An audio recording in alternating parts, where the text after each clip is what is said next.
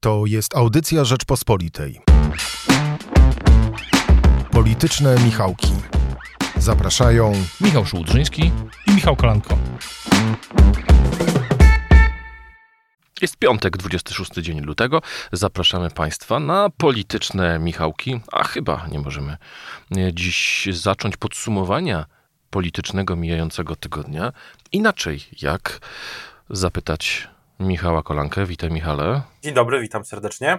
Michale, co miał na myśli Jarosław Kaczyński, udzielając wywiadowi Polskiej Agencji Prasowej i mówiąc, kto działa przeciw Zjednoczonej Prawicy, jest przeciwko Polsce, wartościom, rodzinie i wierze?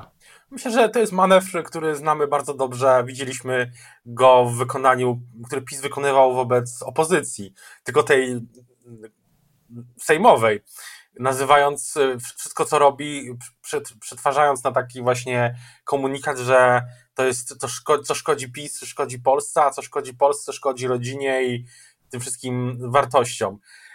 Tylko, że chyba, chyba nie spodziewaliśmy się, że tak szybko Jarosław Kaczyński wytoczy takie działa wobec y, swoich y, koalicjantów, tak bym, koalicjantów. No to, to jest, ja się spodziewałem, że w pewnym momencie mm, taki komunikat y, będzie, ale szczerze mówiąc nie, nie sądziłem, że aż y, tak szybko. Warto też zwrócić uwagę na to, co mówi prezes Kaczyński, tak sugeruje, że ważnym momentem będzie głosowanie nad y, ratyfikacją tego funduszu odbudowy. Mhm. Co to znaczy? No bo... Chcę dać do powiedzenia w ten sposób. Że, że to, to, ten komunikat ogólnie jest skierowany do jednego i drugiego koalicjanta, takie mam wrażenie. Też ostatnio była retoryka ostra, coraz ostrzejsza, takie mam wrażenie też e, wicemarszałka Terleckiego, który tam mówił o dyscyplinowaniu, że do zrozumienia, że nie ma nieskończonej cierpliwości. No myślę, że to głosowanie e, dla prezesa jest o tyle ważne, że to jest też takie sprawdzenie, czy Zbigniew Ziobro rzeczywiście nie blefował, mówiąc, że nie poprze tego funduszu odbudowy. Jest, jest to mm, no, sprawa absolutnie kluczowa, myślę, w ogóle dla Polski ten fundusz. W tej sytuacji, w której jesteśmy, zaczyna się trzecia fala, nie wiadomo kiedy się skończy i jakie będą jej konsekwencje, co z gospodarką, a tutaj jest, jest dyskusja dotycząca wewnątrz obozu Zjednoczonej Prawicy, dotycząca tego, czy w ogóle ratyfikować ten fundusz, no tak rozumiem podejście Zbigniewa Ziobry, co wydaje się no, polityczną taktyką, która PiSowi się po prostu przestaje podobać, bo Zjednoczona Prawica mm, na razie działa mniej lub bardziej, ale coś mam wrażenie, że coraz, e, że, że coraz więcej jest takich e, pęknięć. To, to Mam do ciebie takie pytanie jeszcze o, o to, co tam Jarosław Kaczyński ma do powiedzenia w sprawie COVID-u. Dlatego, że wydaje mi się, że to jest najważniejsza rzecz, którą żyją 36 milionów Polaków. A no właśnie, co on mówi na temat COVID-u? Ja, ja, mam wrażenie, że prezes Kaczyński, też jak rozmawiałem z prezesem Kaczyńskim w grudniu ubiegłego roku. Czy on dostrzega w ogóle COVID? On dostrzega COVID jako czynnik społeczny i polityczny, ale mam wrażenie, że nie dostrzega go w takich kategoriach, jakie, w jakich dostrzegają go na przykład ludzie młodzi, dla których COVID, pandemia i to, co zdarzyło się przez ostatnie 12 miesięcy, to jest, bywa ciosem mm, życiowym po prostu. Nie mówię tu oczywiście o chorobie, czy nie daj Boże po prostu ktoś, ktoś bliski, czy, po prostu ktoś, ktoś umiera, ale chodzi o cios życiowy, no, pracy, mieszkania, znajomości, wszystkie te rzeczy przez 12 miesięcy no, stanęły pod znakiem zapytania. Słyszeliśmy te historie w trakcie tej ubiegłotygodniowej konwencji lewicy. To wybrzmiewało w tym. A prezes Kaczyński, myślę, traktuje COVID jako coś, co jedną z kolejnych, jeden z kolejnych kryzysów. Taki, który na przykład uniemożliwia przeprowadzenie tego kongresu PiS, co, co w partii też budzi e, ten kongres i te, wybo- te może wybory same na prezesa nie, ale no sam kongres i kilka zmian w statucie no budziło emocje, tego to miało być w tamtym roku, nie wiadomo kiedy będzie. I myślę, że władze PiS też ta sytuacja niepokoi, no ale gdyby na przykład ten kongres nie mógł się odbywać, bo no nie wiem, e, plamy na słońcu spowodowały nie wiem, to, że nie ma elektryczności przez pół roku, taka hipoteza, no to myślę, że prezes Kaczyński, oczywiście to jest metafora, no pewnie tak samo by to traktował. Chciałem Cię zapytać o tezę, którą postawił e, nasz były redakcyjny kolega Andrzej Stankiewicz w Tygodniku Powszechnym. Pisze on tak: Władza przez ten rok nic nie zrozumiała, nie wyciągnęła żadnych wniosków. Dziś, tak jak wiosną minionego roku, przed wyborami prezydenckimi, jak jesienią podczas rekonstrukcji rządu, Kaczyński zajmuje się tym, co lubi najbardziej politycznymi szachami. No tak, ale dla, dla prezesa Kaczyńskiego no to, to jest jego zadanie w tym. y, Tak się podzielili chyba rolami z premierem Morawieckim. Y, Premier Morawiecki no, zajmuje się właśnie epidemią i zarządzaniem tym wszystkim. E, Lepiej, y, a prezes Kaczyński zajmuje się polityką. No, jakoś szczerze mówiąc, zarzucanie z jednej strony to, to trochę jest zastanawiające, tak jak rozmawialiśmy, że prezes Kaczyński, który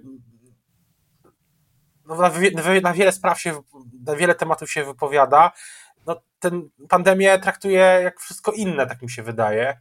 A z drugiej strony, no, ja nie widzę zarzutu, znaczy, dla mnie to nie jest tak, że, że prezes y, no, zajmuje się polityką, no bo tym się też po prostu zajmuje całe życie. E, Jak rozumiesz tą wypowiedź Jarosława Kaczyńskiego z wywiadu, e, gdy powiedział, że to nieprawda, że na spotkaniu powiedział, że wyrok Trybunału Konstytucyjnego to klęska? No wydaje mi się, że, że ten. Ja postawiłem taką tezę jeszcze w ubiegłym roku i ten wywiad. I te- wtedy ta teza jest, była taka, że ta decyzja dotycząca aborcji no była też y, elementem takiej taktyki zawłaszczania przez PiS y, prawej ściany, zwłaszcza wobec y, Zbigniew, Zbigniewa Ziobro i, i Konfederacji. I wydaje mi się, że w tym kontekście rzeczywiście prezes Kaczyński no nie uważa, żeby efekt polityczny tego był, był, był zły. Więc stąd chyba musiał się odnieść. Prezes się rzadko takie, mam wrażenie, odnosi do takich przecieków. Tutaj też mnie to, to zwróciło na to moją uwagę, że do tego się odniósł. E, Więc, więc chyba, chyba chodzi o to, że on chce pokazać, że jego, to była jego jakaś strategia, taktyka, a nie, że uważa coś za, za klęskę. Chociaż na pewno takie mam wrażenie, że efekty, te protesty i tak dalej, no zaskoczyły. Wtedy też były takie informacje, zaskoczyły władze PiS. Ale zwróć uwagę, że y, poza rytualnym krytyką Gazety Wyborczej, y, przy- przypomnijmy naszym słuchaczom, że mm, kilka dni temu tam ukazał się artykuł relacjonujący poniedziałkowe spotkanie y, koalicyjne, na którym właśnie Jarosław Kaczyński miał przyznać, że nie przewidział konsekwencji wyroku Trybunału, nie docenił nastrojów, ale mm, w wywiadzie y, dzisiejsz, dzisiaj opublikowanym wywiadzie dla, PAD, dla, dla PAP y, padają takie słowa, że y, to być może ktoś źle, ktoś y, z informatorów Gazety Wyborczej wprowadził ich w błąd, a informatorami, jak rozumiem, są politycy Prawa i Sprawiedliwości.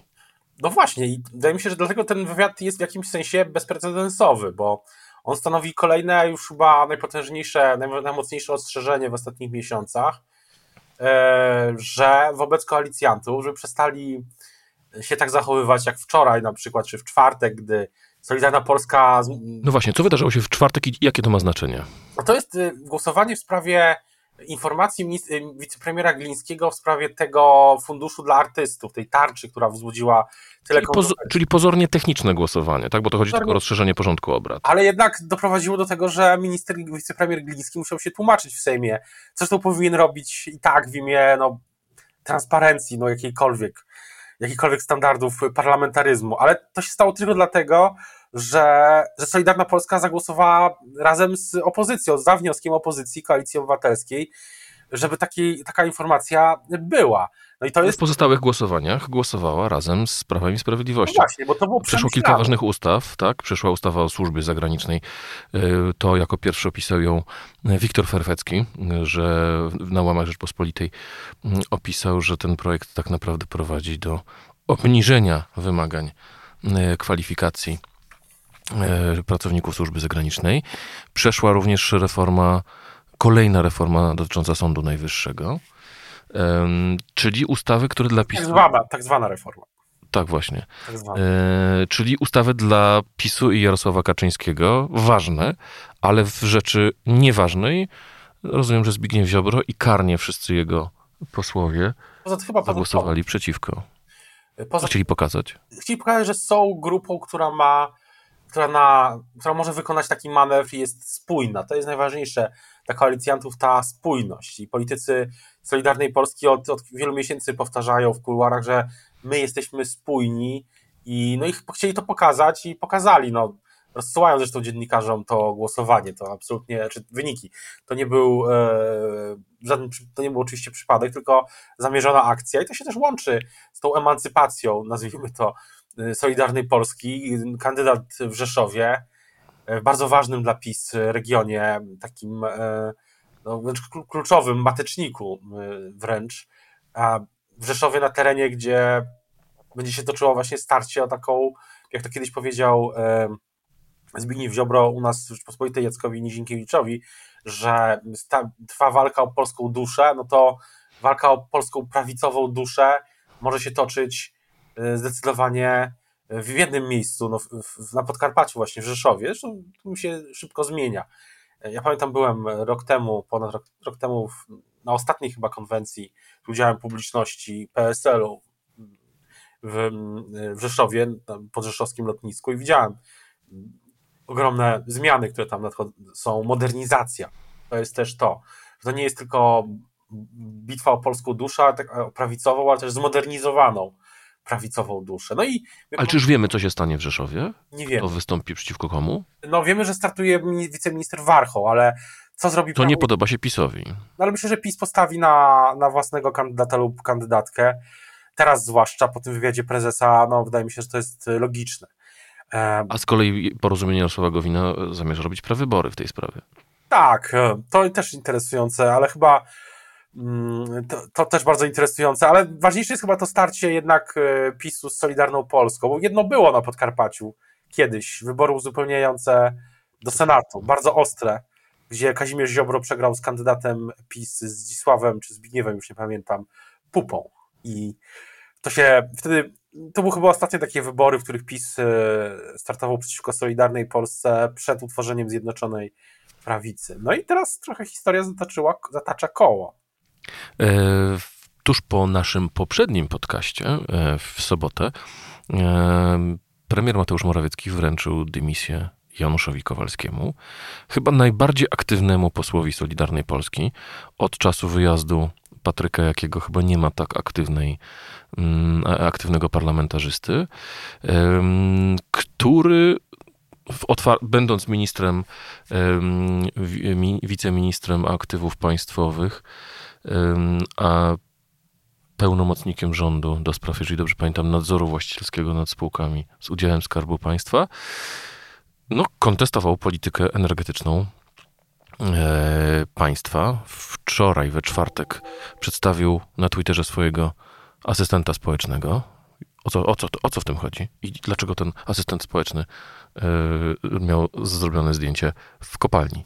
No właśnie, bo to jest też kolejny etap, kolejna rzecz, która bardzo PiS zastanawia.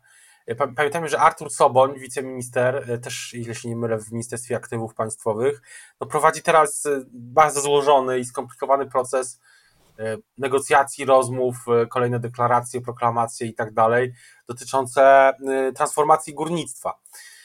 A Janusz Kowalski zapowiada, zapowiada konsultacje w przyszłym tygodniu E, właśnie dotyczący górnictwa z górnikami czy związkowcami, którzy absolutnie żadnego wygaszania kopalń, jak rozumiem, nie chcą i chcą, tak jak Solidarna Polska, e, chcą, żeby polska energetyka dalej się opierała e, na węglu. Minister Kowalski, wice, były wiceminister, zawsze ma dużo do powiedzenia w tej sprawie, w sprawach energety, energetycznych. Jest też wywiad, rozmowa z nim przeprowadzona przez naszą koleżankę Barbarę Oksińską, redaktor Oksińską, też na stronach Rzeczpospolitej E, można ją odnaleźć. E, bardzo długa rozmowa, chyba 30-minutowa, właśnie o strategii energetycznej.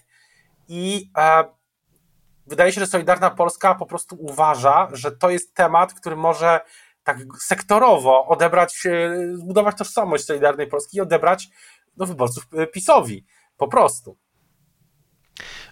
Chciałem teraz Cię zapytać o to poniedziałkowe spotkanie koalicyjne. Po raz pierwszy od dawna e, spotkał się Jarosław Kaczyński, Zbigniew Ziobro e, i Jarosław Gowin e, w towarzystwie Ryszarda Terleckiego i Mateusza Morawieckiego i dwóch pozostałych wicepremierów. Było to spotkanie koalicyjne, ale mm, w kancelarii premiera jako prezydium rządu. Rzeczywiście, gdy Jarosław Kaczyński wchodził mm, do rządu, obejmował funkcję wicepremiera. Z PiSu przychodziły takie informacje, że to właśnie chodziło o usprawnienie procesu decyzyjnego, bo wówczas wszyscy najważniejsi politycy koalicji będą zasiadali w rządzie i będą się mogli właśnie w takim formacie spotykać. No, doszło do tego teraz. Dlaczego i co z tego wynika? Czy co z tego wynika? Po pierwsze, jedna rzecz. To nie było spotkanie właśnie w, na Nowogrodzkiej, tylko w, na gruncie kancelarii premiera, czyli też spotkanie właśnie z udziałem premiera, prezydium rządu, inny format. Y, nadają, chyba miało nadać ton, chyba taka była idea, żeby nadać jakiś nowy ton tej współpracy koalicyjnej w rządzie, omówić te projekty, nowy ład i, i tak dalej, ale chyba z tego, co ja słyszałem, no to efektem tego spotkania było tylko y, potwierdzenie, Jarosław Kaczyński po prostu chciał sprawdzić, czy jest y, dalej większość. No i odpowiedź jest taka, że tak jak rozmawialiśmy, no jest, ale nie do wszystkiego. Znaczy większość bywa, tak? Bywa. Znaczy, jest, ja słyszałem takie głosowań była, ale nie zawsze. Ale, ale nie zawsze. I... Ja słyszałem takie określenie e, rząd półwiększościowy.